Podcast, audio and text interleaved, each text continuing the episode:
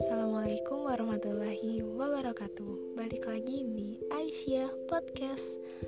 Nah, di sini aku bakal ngelanjutin resume dari kajian Ustazah Zian mengenai persembahan yang terbaik bagi bulan Ramadan.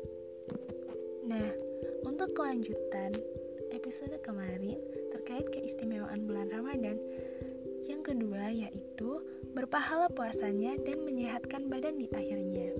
Karena secara umum, puasa dapat membantu proses detoksifikasi di dalam tubuh sehingga mengeluarkan berbagai racun yang ada di dalam tubuh dan dapat menyeimbangkan serta menyehatkan kerja di dalam tubuh.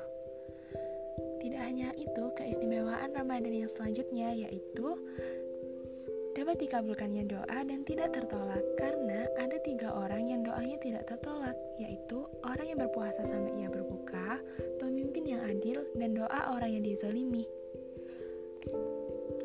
Maka dari itu, berdasarkan hadis riwayat Bukhari dan Muslim dari Abu Hurairah, Rasulullah berkata, Barang siapa berpuasa Ramadan atas dasar iman dan mengharap pahala dari Allah, maka dosanya yang telah lalu akan diampuni. Nah, hanya dengan dua kunci ini, mari kita manfaatkan Ramadan ini dengan sebaik-baiknya. Semoga Allah memberkahi kita semua. Amin ya Rabbal 'Alamin.